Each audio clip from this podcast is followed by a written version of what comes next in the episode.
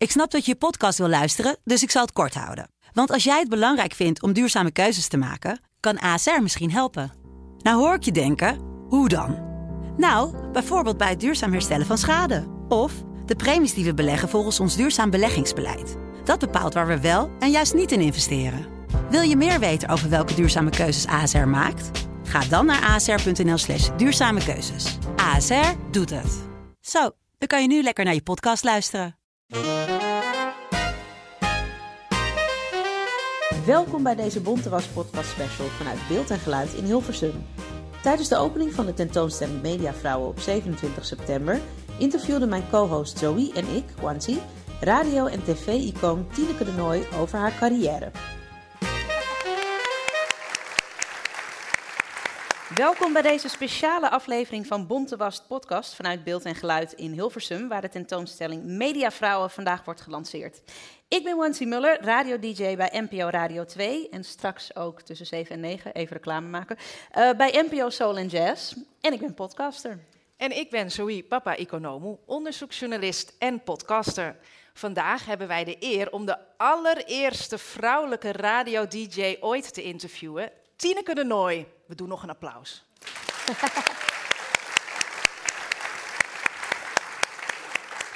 Zij begon haar mediacarrière bij Radio Veronica en werkte daarna onder meer voor Hilversum 3, Hilversum, Hilversum 4 en RTL 4. En sinds 2010 presenteert ze voor Omroep Max een radioprogramma op NPO Radio 5. Ja, als je al zo lang in het vak zit, uh, dan is de kans groot dat je ooit onderscheiden wordt voor je werk natuurlijk. Um, vorig jaar ontving Tineke onder andere de ere zilveren reismicrofoon voor haar hele oeuvre. Hier in beeld en geluid was dat ook. Uh, de Marconi Oeuvre Award, de Koos Albert Oeuvre Award en zo kan ik nog wel even doorgaan. Ja, want ik hang hier. Ja, ik, ik, ik zag het. Ik heb het eindelijk ook gezien. Ik ja. heb het nooit kunnen vinden de af, het afgelopen jaar. Dan stond ik hier stiekem te kijken. Ik denk, waar hang ik nou, waar hang ik nou? Maar ze hebben het nu aangewezen. Ik zag kan het. wel vinden. Ik hang uh, hier. Tineke, uh, we gaan het in deze Bontewas podcast special met je hebben over de rol die vrouw zijn heeft gespeeld in je carrière. Ja. Maar eerst uh, ben ik benieuwd, hè? toen je te horen kreeg dat je onderdeel was van de tentoonstelling Media Vrouwen, dacht je toen, de, natuurlijk zit ik daarin. Ja. Zoiets vermoedde ik al, ja. Natuurlijk ja. zit ik daarin. Ja. Ik bedoel, ik zit vanaf 1960 in het vak. Dus je kan iemand die bijna 60 jaar in het vak zit niet omzeilen. Ook al hebben ze dat wel gedaan natuurlijk bij de omroepen. Want mijn eerste 30, 40 jaar die telde niet echt hoor. Nee, Veronica heeft nooit, ook bij beeld en geluid, niet echt hoog aangeschreven gestaan. Hmm, dan gaan we ja. zo nog even induiken. Nee, maar daar hebben we wel wat aan gedaan hoor. Maar bijvoorbeeld de eerste jaren dat ik uitzond voor Veronica op tv, dat is, dat, dat is er allemaal niet. En ook uh, heel veel op radiogebied, dat, dat is er niet. Je bedoelt, daar, daar is geen archief meer van? Nee. Helemaal niet? Nee. Nou, maar ik kan me inderdaad wel herinneren dat het altijd... Veronica was een beetje het stoute, ja. het stoute kindje, ja. zeg maar. en dat is heel lang zo geweest. Ja. Zelfs zo dat toen ik op de regiecursus ging, televisieregie, dat was in 1975, denk ik, 76, samen met Leo van der Goot, dat we het zwaar hadden. Dat ze echt het gevoel hadden van, stomme disjockeys. Hè, wat, en dan gaan ze nog televisieregie doen en dan denken ze ook nog dat ze daar iets van weten. Maar dat hebben we leuk kunnen omdraaien. Pas op, want we waren er. En we stonden er als een huis, als omroep, Veronica. Maar als we het dan over deze tentoonstelling hebben, had je niet liever zoiets van, uh, ik ben liever onderdeel gewoon van een tentoonstelling Media Pioniers? MVO. Ik weet helemaal niet waar ik sta. Ik, bedoel, ik vind het al heel wat dat ik hier zit. Jullie, ten eerste weet ik al wat een podcast is. En ten tweede hebben jullie me moeten uitleggen wat ik dan hier zit te doen. Dus ik, ik weet helemaal niet wat, wat, wat er gebeurt. Nee, maar ik bedoel dat het dus, dit is echt, gaat alleen over vrouwen. Ja, prima. Dat is wel goed. Ja, dat vind ik ook wel leuk. Dat we dat uitzonderen. En ik hoop dat die meneren het ook leuk vinden. Ik hoop het, anders zaten ze hier niet, toch? Ik zie ze eigenlijk vooral streng kijken nog. Uh. Oh, er knikt nu iemand Ja, gelukkig. Ik vind het leuk. Ja. Eén meneer vindt dit leuk. Gelukkig. Uh, Tineke, we gaan even terug naar de jaren 60 dus. Ja. Hè, toen je besloot dat je ook op de radio wilde. Wat trok jij nou zo aan in het medium? Nou, voor mij was het zo simpel als wat. Ik kom uit Hilversum. En mijn vader werkte bij de NRU, de Nederlandse Radio-Unie. Dat was eh, toen ik klein was alleen nog maar radio. En ik heb eh, heel veel in het ziekenhuis gelegen omdat ik geopereerd ben eh, aan mijn been. En ik luisterde alleen maar naar de radio. En in de buurt waar ik woonde werkte iedereen bij de radio. Mijn vader had fantastische verhalen. Hij was timmerman, metselaar, maar hij kwam ze allemaal tegen, beroemdheden. Hij uh, schermde met alle namen en hij zwaaide ook naar iedereen, want iedereen kende ook mijn vader. Ik dacht, ik moet bij de radio. Dat was zo duidelijk als wat. En vanaf mijn twaalfde heb ik serieus toen pogingen gedaan om bij de Afro, bij de, bij de kabouters, uh, dat is van de padvinderij, om daar een, uh, een, een een, hoe heet het, een uh, station call te maken voor de Afro. En dat heb ik dus gedaan. En uit 500 kabouters ben ik toen gekozen. Ze wisten toen al dat je speciaal was. En dat maakte het ook dat ik, toen ik 18 was en bij Veronica ging solliciteren, zei: Ik heb een goede stem en ik kan schrijven. Dat zei je ook gewoon zo op Ja. En toen zeiden ze: Nou, kom maar.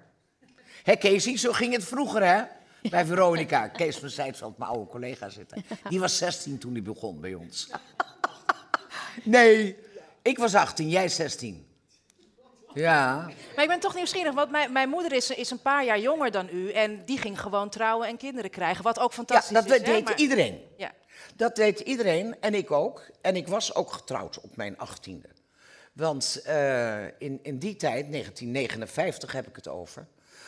Toen mijn toenmalige vriendje bij mij thuis met zijn arm om mij heen zat, zei mijn vader: Het is hier geen nachtclub. dus Dat gebeurde in de jaren negentig ook. ja, en toen Ja. gingen vrouwen trouwen en dachten, nou, misschien kan ik nog een jaartje of twee jaartjes doorwerken, maar dan moeten we stoppen, Ja. want dan krijgen we kinderen. En dat dacht ik dus ook. En ik ben ook met die ontzettende aardige jongen getrouwd. En op mijn negentiende, ik was net 19 denk ik, dat ik bij Veronica ging werken. Oh, maar dit vind ik leuk. En toen was het exit eigenlijk mijn huwelijk. zo dus, dus ging zo dat. ging dat wel. Ja, maar zo ging dat. Ja. Ja. Wauw, je moest daar echt voor kiezen. ja, het was een absolute keuze. Wauw. om te gaan werken. en te Ehm, blijven werken. En jij wilde eigenlijk een popprogramma doen. Ehm, Ja, toen. Maar eh, dat paste niet bij een vrouwenstem, vond de leiding. Nou, pop deden we ook nauwelijks. Mhm. En eh, we hadden echt een omroepfunctie in die tijd. En het belangrijkste was daar teksten voor te schrijven en een heel programma maken. En ja, dat was, eh, qua muziek was het Catharina Valente met het orkest van Edmundo Ros. Een reis om de wereld. En dat hadden we ook zo'n stem meteen ook. Nee, ik wilde popmuziek draaien. Ik luisterde naar eh, Radio Luxemburg en ik wist hoe dat zat met die jingles. En ach jongen, dat was het. Maar dat mocht dus eigenlijk niet van de leiding. Nou, het mocht niet. Ik zit nu naar Kees te kijken. Het, het was de structuur. Ja, ik heb ge- gelobbyd om, om een half uurtje te krijgen. Nee, om een uur te krijgen, smiddags van vier tot vijf. En het werd een half uur, geloof ik. De Zwarte Schijf. Oh, die titels hadden we zo voor elkaar. Maar je legde je er dus eigenlijk niet bij neer, hoor ik. Nou, heb ik dat niet zo vaak ook, hoor. Heb je dat Als ik iets in mijn hoofd heb zitten, dan wil ik dat wel. eh, ja, maar het heeft wel een paar jaar geduurd. Ik, heb, eh, ik geloof in 62 zijn we begonnen met koffietijd en een horizontale programmering. En dat was leuk. Dan kan je iets doen wat niemand daarvoor nog heeft gedaan, bij, tenminste in Nederland. Het lossen. En we hadden niks anders. We, we, we namen op. We wisten niet van tevoren of het zou regenen of sneeuwen. We wisten helemaal niks. Maar we deden het alsof het live was. Dan had je dus die technicus tegenover je zitten. Nou, dat was je steun en toeverlaat. En daar zat je uren mee met die jongen. Daar wist je ook alles van. Je kende zijn hele boerenfamilie. Je kende, hij wist alles van jou. Dus dat was de gezelligheid die je creëerde in je programma. Want dat was er niet bij de omroep. Het was allemaal even strak en netjes. Dat is toen eh, met de komst van Hilversum 3 veranderd. Eh, Want die dachten ook, ja, dat is allemaal veel te los daar bij die Veronica. En terwijl als je het nu hoort, is het heel stijf. Echt heel keurig nog.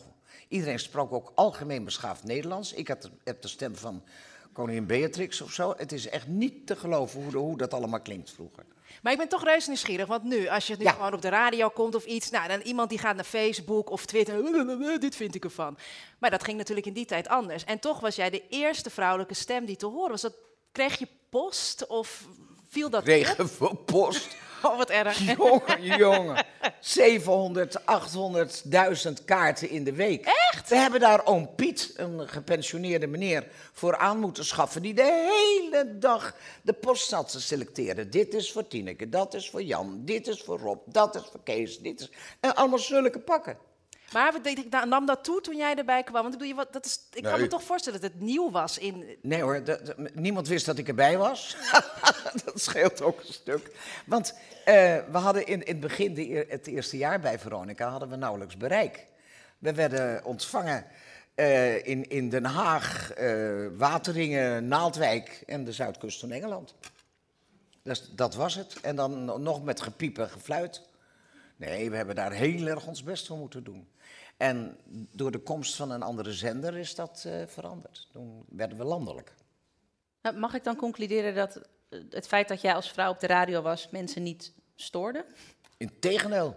Nee, dat vonden ze leuk. Maar ik ken, werd onmiddellijk om tien uur s morgens gezet. Want dat was koffietijd. Dat was voor vrouwen. Dus jij met je popprogramma om vier uur? Nee, dat was voor de jongens. En ik kreeg trouwens ook minder salaris, nu we het er toch over hebben. Ja, dat is ik zeker belangrijk om te benoemen. Ja. Ja. Goed punt. Scheelde Ja. dat heel veel? Nou, dubbel. Echt waar? Ja.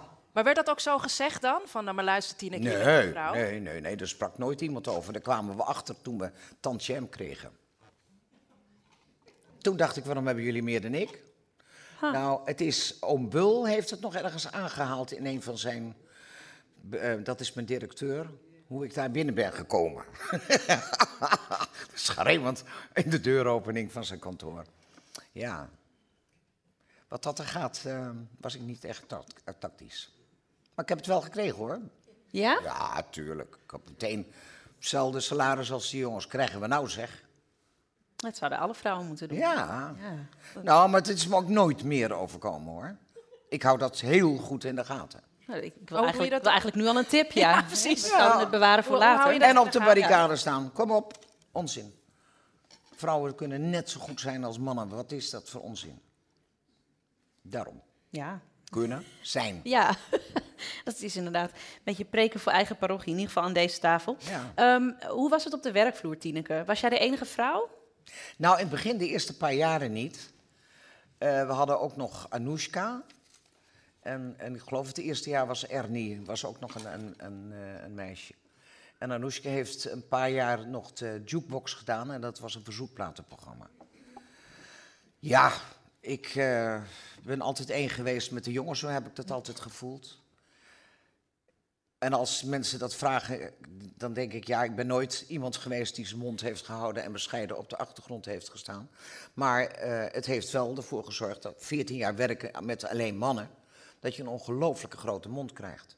Want anders walsen, je, eh, walsen ze over je heen. Dan vergeten ze, oh ja, zij, zij is dan ook nog. Ja. Dat gebeurt dus nooit meer. Je hoor. moet dus wel als vrouw in een mannelijke omgeving je een beetje Yes. aanpassen. Is, vind je dat niet jammer? Dat is een vraag die je kan stellen 50 jaar nadat ik ben begonnen. 60 jaar nadat Ja. ik ben begonnen. Dat was er in mijn tijd allemaal niet. Nou ja, ik, ik, ik bedoel, ik werk ook met eigenlijk heel veel mannen hè, bij Radio 2. Het- het- Ik weet niet of het echt al veranderd is hoor. Als ik, als ik iets wil zeggen tijdens een overleg, moet ik ook een beetje schreeuwen. Ja. Ja, dat vind ik jammer. Ik wil gewoon En toch iets is het- zeggen, omdat ik iets wil zeggen. En Gewoon niet, eh, eh, ook als een... Als een ja. Oh, rustig de beurt Ja, krijgen. ja dat, maar dat gebeurt gewoon niet. Ja. ja, en nou is het anders, omdat ik nu de laatste jaren merk dat ik een soort respect krijg van. "Huh, ze is al hartstikke oud en ze doet het nog steeds, weet je. Dus ik, ik, ik krijg andere complimenten ineens. Er zeggen ineens, oude collega Lex Harding laatst nog. Ik vind het zo fantastisch wat je doet. Dat heeft hij nog nooit gezegd. ik rolde van om, snap je? Ja. Die jongens die vroeger alles maar gewoon vonden wat je deed. Maar ik, daarom, ik was ook één met ze.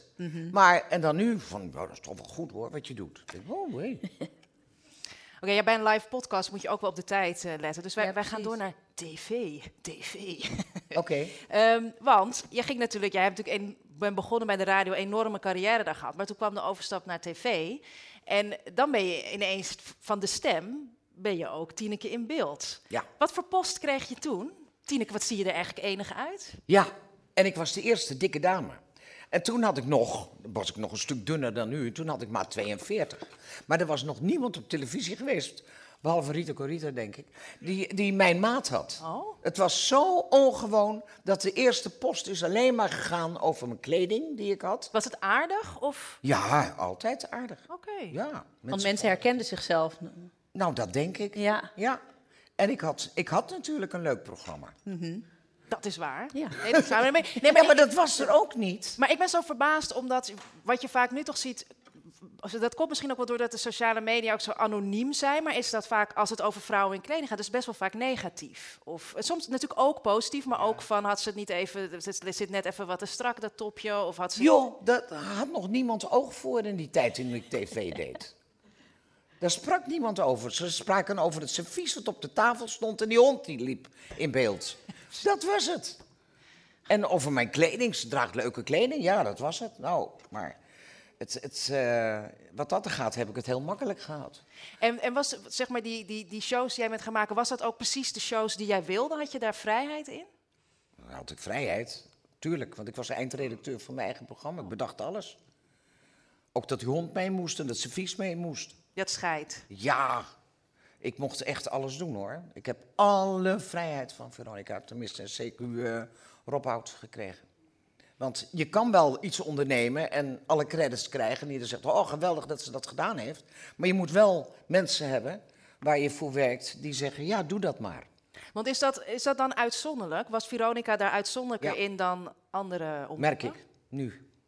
Dat, eh, maar, wacht even, uitzonderlijk. Ik zit nu alweer negen jaar bij Max. Eh, wat Rob Oud was voor Veronica, is Jan Slachter zonder drank bij Max. Oeh, nou, ik, ik, ik wil er eigenlijk even op verder gaan, maar laten we dat niet Nee, nee, nee, nee, nee. want dat was het. Nee. Dat was het precies. Misschien als de microfoons uit zijn. Mooie tussenzin. Ja. Ik kan me toch voorstellen, want, want als je dan bij Veronica werkte, zeg maar, eh, en je had zelf die vrijheid.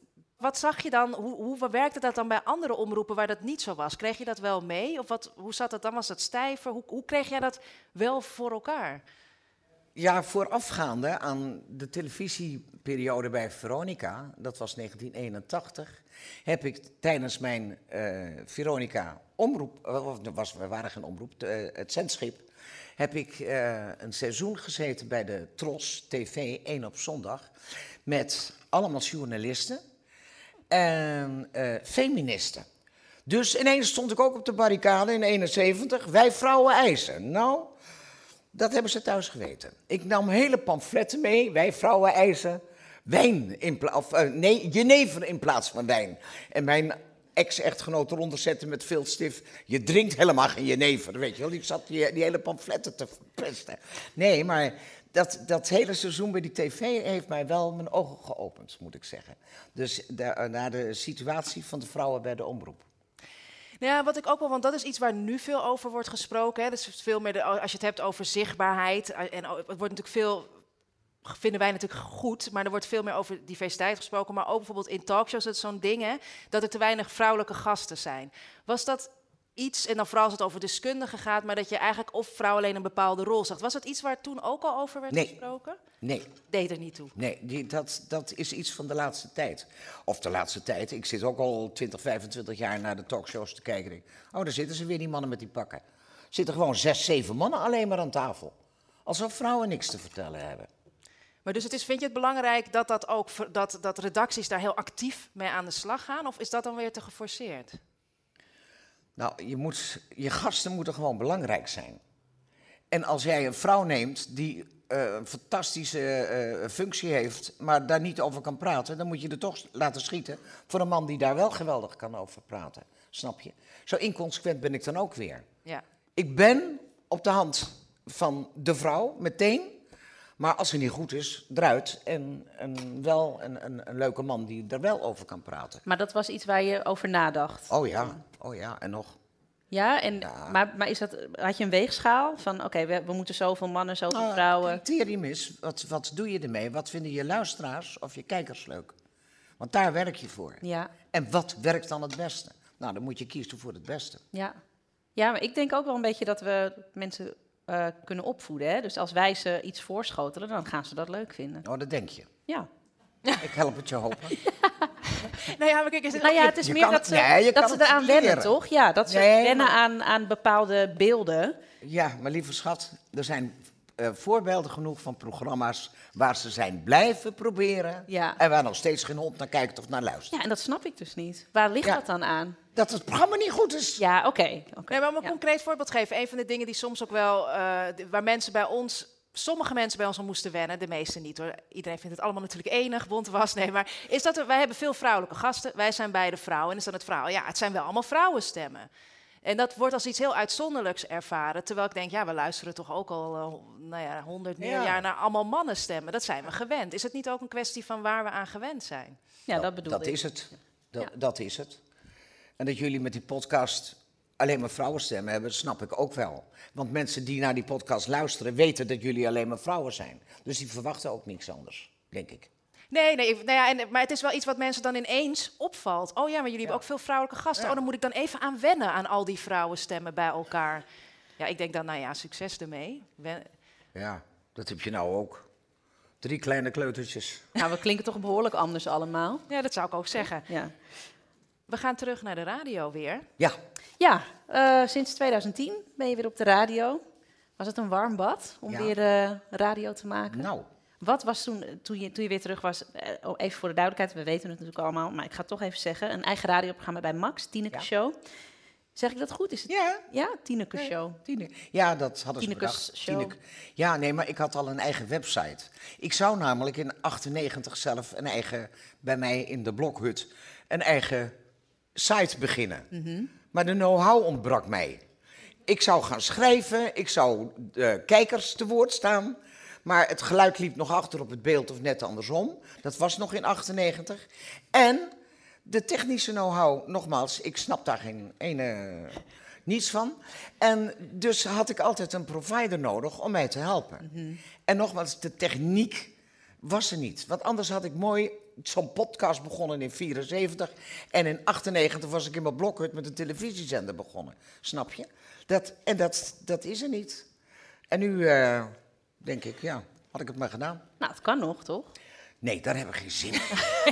Nou ja, maar je zit nu wel heerlijk met je eigen show, toch? Ja, en dat Max. wordt leuk betaald. Ik heb een salaris extra, dus ik kan nog eens een keer leuk met vakantie. Ja.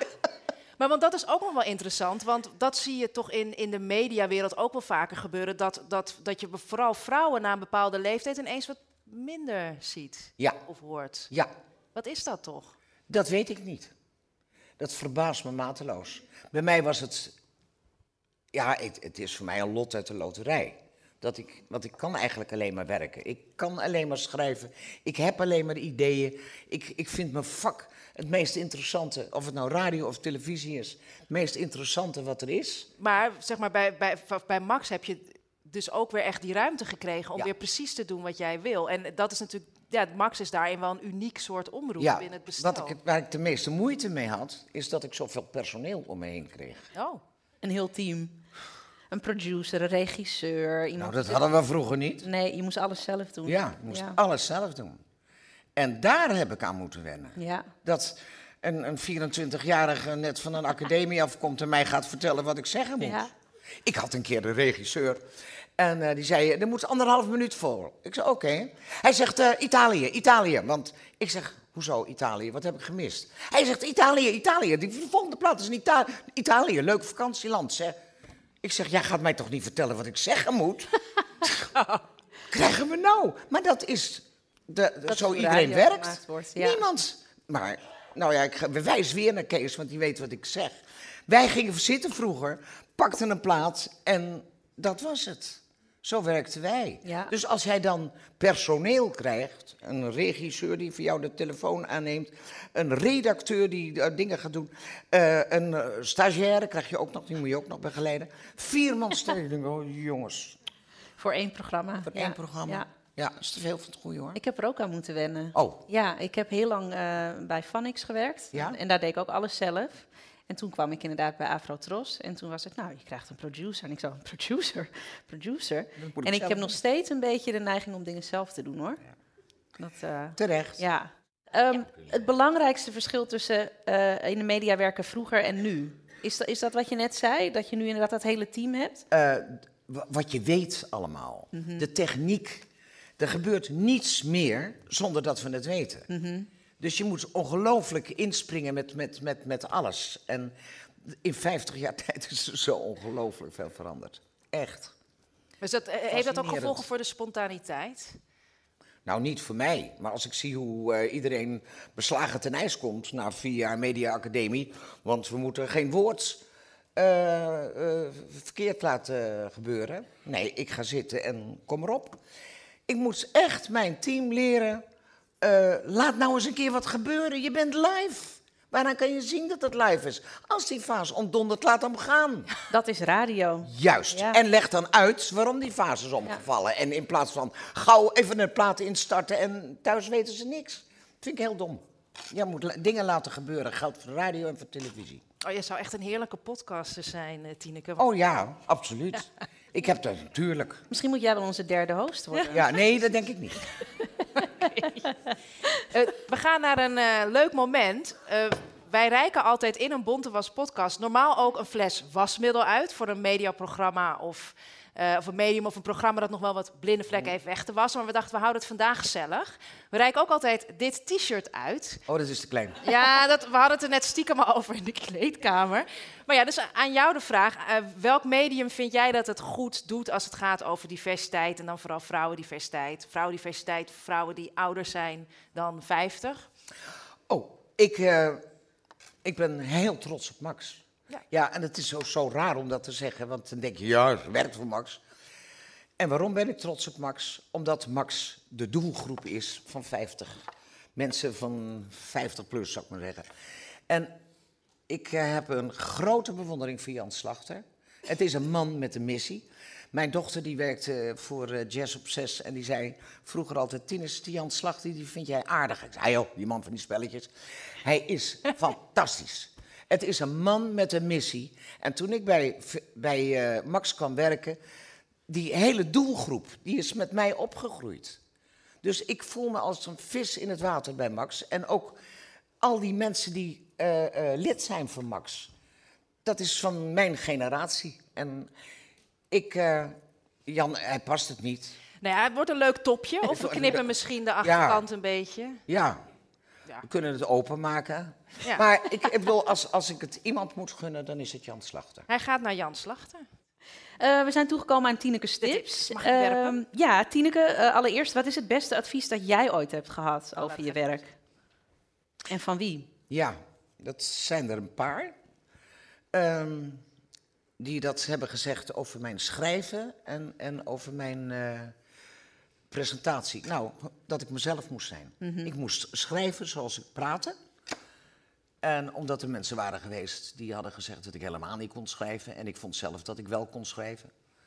En eh, toen zei, dat is de, was de hoofdredacteur van de Libelle in de tijd, Rob van Vuren. Die zei onzin. Jij moet schrijven zoals je praat.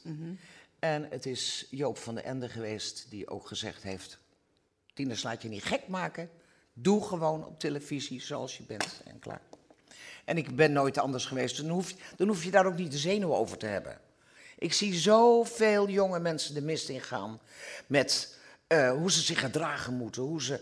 Ik heb het natuurlijk makkelijker gehad. Ik heb veer, wat, 20 jaar eerst radio gedaan en een beetje tv. Voordat ik bekend werd, er waren wel interviews, mensen wisten een beetje wie ik was. En vervolgens ga je tv doen en dan word je ook langzaam maar zeker bekend. Die kids van tegenwoordig, die zijn al een ster binnen drie keer. Ik denk, hè? Ja, maar dan krijgen ze, en dan staan ze op de voorpagina van de weekend en de story, en dan krijgen ze de hele meute over zich heen en dat kunnen ze niet aan. Dat is heel zielig. Ja. Eh, ja, nee, ja, je hebt een enorme staat van dienst. Je bent een rolmodel voor andere vrouwen. En daarom dachten we dat het nu tijd was voor Tineke's tips. eh, waarin eh, iedereen hier in het publiek jou om advies mag vragen. Eh, we hebben ruimte voor, nou eigenlijk nul vragen. Maar we doen, we doen er twee. We Ja. doen er twee. Wie, eh, wie zou er wat willen vragen aan Tineke? Niet allemaal tegelijk. Oh, spannend. Oh, kijk, Ja. daar is een mevrouw. Nou, mijn naam is Marieke Bemelman. En ik eh, heb met plezier geluisterd. Fantastisch verhaal, heel positief ook.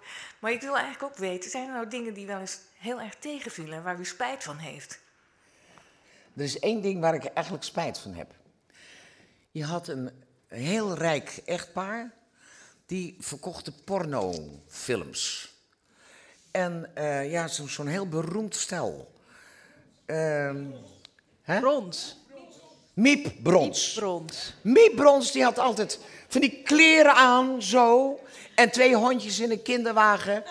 En Miep ging zelf nu produceren en films maken. En waar ik spijt van heb, dat, dan, heb je dan, dan bes- bespreek je zo'n onderwerp met je collega's. Dan liggen we al over de tafel van het lachen. We zien Miep al achter de camera, ha, ha, ha, met die hondjes. En dan werkt het niet. Dan maak je Miep op dat moment, zag ik het gebeuren, die maak je belachelijk. Ja. Dus op, op het moment dat ze daar achter die camera ging staan en ik riep, en Miep, dat gaat het worden. En Miep zei ja, toen dacht ik, en nu? Snap je, ik, kle- nou, dom, weg weer. Maar het was, Nee, ik vind het wel... het was heel heftig dat je Ja. denkt dat iets leuk is en werkt. En je zet iemand totaal verschut. Daar heb ik echt nachtmerries later van gehad. Ja, Heb je dat nog recht kunnen zetten? Nee, omdat ik er nooit ze zeiden toen die middag dat ze dat niet erg vonden. En jaren later zei eh, eh, de meneer Brons, ik weet niet meer hoe zijn naam is, die zei dat hij dat, hij had eh, daar in de zaal gezeten en hij vond het verschrikkelijk van Miep. Ach man, nou dan heb ik er weer dagen last van gehad. Ja, Ja, tegenwoordig ga je gewoon naar Twitter Ja. of Instagram of Facebook en zeggen... ja, sorry, was niet zo handig. ja. Toch? En dan is het opgelost. Ja, maar ik vind het is wel een heel mooi, eerlijk verhaal. Nog één? Ja, meneer. Zeg uw Goed. naam ook even. Ja, ik ben eh, Fred Blaas uit Naarden, fotograaf op dit moment. 40 jaar een heel ander vak gehad. Maar nu eindelijk eh, mijn roeping eh, nagekomen. Ik wilde vroeger fotograaf worden, maar vervolgens commerciële leven ingegaan. Ik vind Tineke echt een voorbeeld voor mensen. Eh, ik heb heel veel met vrouwen gewerkt in, in, in mijn leven. En ik voel me ook bevoorrecht om hier te mogen zijn als man. Want soms gebeurt het wel eens dat het ex- exclusieve vrouwenevenementen zijn. Ik heb altijd hekel aan exclusiviteit. Ik heb altijd hekel, of een, eh, eh, een voordeel zie ik in inclusiviteit. Ik zie geen verschil tussen kleur of tussen mensen of eh, geslacht. Ehm, waar Tineke een toonbeeld van is, en dat valt me echt op, laat de bescheidenheid gaan. Ik ben zoveel bescheiden vrouwen tegengekomen die ik aannam. Die zeiden, ja, doe maar wat, mijn man werkt ook. Ehm, ik ben vrouwen tegengekomen, collega-fotografen, die zeggen, ja, ik doe maar wat. Die hangen in alle musea ter wereld. Ehm, wat dat betreft hoop ik dat die podcast met name door heel veel vrouwen, maar ook door mannen beluisterd wordt. Want nogmaals, Tineke is een voorbeeld. Laat de bescheidenheid va- varen. Onderhandel over je salaris, maar denk ook goed na wat wil ik en wat kan ik. Heel veel mannen zijn haantjes, hè, want die hebben een wat ander gedrag dan eh, de mensen die hoogsensitief zijn. En wat is de vraag? En de vraag is eigenlijk, ehm, want ik moet een vraag stellen. Welk advies geeft u in zijn algemeenheid de vrouwen mee? Geloof in jezelf. Zoek zelf uit waarin je het beste bent. Ik heb altijd tegen, al- als ik ook wel eens les gaf ergens in, dan zei ik, denk eraan dat er nooit iemand is geweest die tegen mij heeft gezegd, weet je eens wat jij moet doen? Je moet eens een radioprogramma gaan maken. Of je moet eens een keer eh, een klassiek eh, radioprogramma maken. Of je moet televisieregisseur worden. Of je moet documentaires gaan maken. Of je moet stukjes gaan schrijven. Nog nooit iemand gezegd. Ik heb het allemaal zelf bedacht. En daarin moet je je energie steken om de mogelijkheden te zoeken dat je dat kan uitvoeren. Maar je moet zelf bedenken wat je wil in je vak en wat je, waar je goed in bent. Mooi, Een waardevolle tip. Ja, bedankt. Dat is toch een tip, hè? ja Zeer ja. zeker, Tineke. Geweldig. Ja, uiteindelijk. Hè? Ja, het duurde even, maar hij kwam er. Bedankt eh, voor de vraag. Eh, Moet, moet, ja, nou oké, de laatste. dan. Ja, we doen er gewoon nog één. Ja. Oh, Op z'n kee. Hoi, ik ben Juliette en mijn vraag is: welke mediavrouw eh bewonder jij en waarom? Oh, dat zijn er een paar. Ik eh, heb met name twee meiden die bij mij vandaan komen. En Anita Witsier en eh Caroline Tensen. Die komen uit eh, mijn gelederen. Daar ben ik heel trots op, op die meiden, hoe ze zich ontwikkeld hebben in hun vak. En eh, ja, ik vind Eva Jinek prima. Er zijn een aantal hele goede vrouwen, vind ik hoor. Anita Witsier en waarom? waarom, waarom? Omdat ze ook zichzelf zijn gebleven. En ze hebben empathie. Ze kunnen eh, kunnen eh, zich invoelen in, in, in, in mensen. Dat, dat vind ik ongelooflijk belangrijk. Dat je rekening houdt met wie je voor je hebt. Ja. En dan moet je wel eens op je tenen lopen. Maar je kan niet het onderste uit de kan halen. Als, hè, je hoort dat er bijvoorbeeld een interview goed is. Maar er zijn ook mensen die rukzichtloos aan de gang gaan en zien dat iemand bijna gaat huilen. Maar je kan het ook een beetje omzeilen en zo- zorgen dat mensen wat meer gepamperd worden in dit geval. Dat je, dat je ze een beetje beschermt. ja, helemaal mee eens. Komt-ie. Oh ja, ja, ja, ik ga hem vangen. Oeh, oeh, dat was stevig, stevig. Ja, zo. Stevig, maar het is gelukt. Eh, bedankt. Ehm, aan het eind van elke aflevering van Bontewas podcast vat woordkunstenaar Atta de Tolk samen eh, waar wij het eh, over hebben gehad in een eh, gesproken column. Je hebt goed geluisterd hè? en meegeschreven zie ik. Hoeveel kantjes? Oké. ja. Ehm, Atta die gaat nu samenvatten waar wij het met Tineke over gehad hebben. The mic is yours. Maar zit hij altijd in ju- jullie podcast? Zeer zeker. Ja. Hé, dat is een man, toch? Ja. Nou, kijk, diversiteit. ja, ja, goed gezien hoor, goed gezien. Ja. Wij zijn zo divers. Ik dacht, ik, ik zeg het zelf maar niet. Maar eh, inderdaad. Nee hoor, ik pest je. Don't worry. Oké. Beeld en geluid. Vandaag iets zeer bijzonders in ons vizier. De bonte wasgast van vandaag is absoluut een vrouwelijke pionier. Wanzi en Zoe spreken spraken met Tineke, zo bescheiden en normaal. Maar vergis u niet, ze vertolkt een zeer bijzonder verhaal. Prachtig om te zien hoe andere vrouwen haar ook inspireerden. En om te horen op welke zaken Tineke zich concentreerde. Een vrouw die zoveel bijdraagt en heeft bijgedragen aan sterke beeldvorming. Mevrouw de Nooy is een belangrijke deel van onze bewustwording.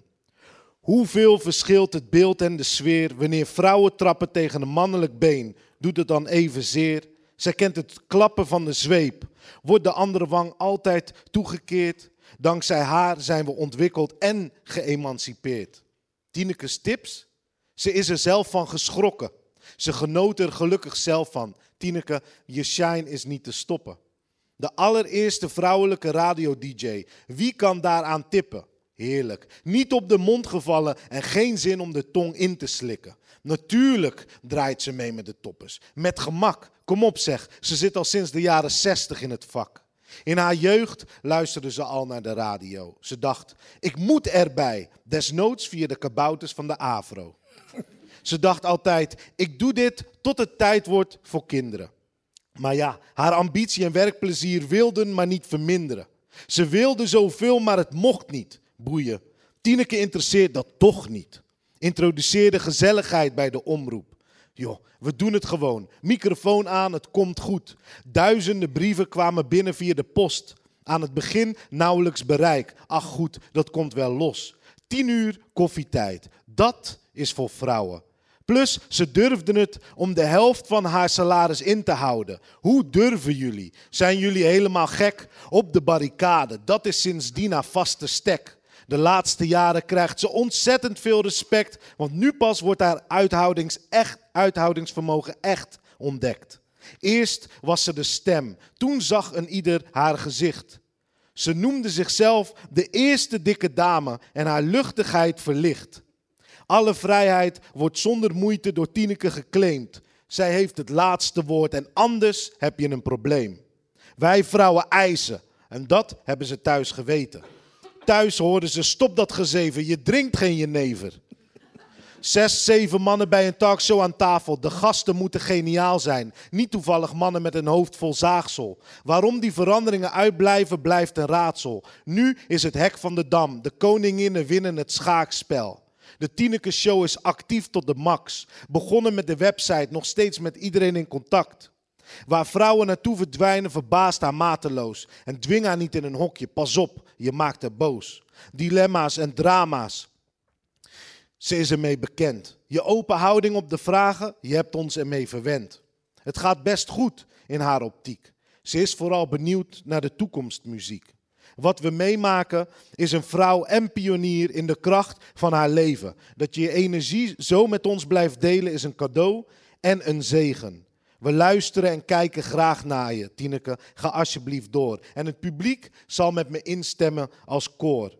1, 2, 3, 4, 5, 6, 7, 8, 9, Tineke. En de hele show draaide om jou, want echt waar, dat verdiende je. Leuk. Heel leuk.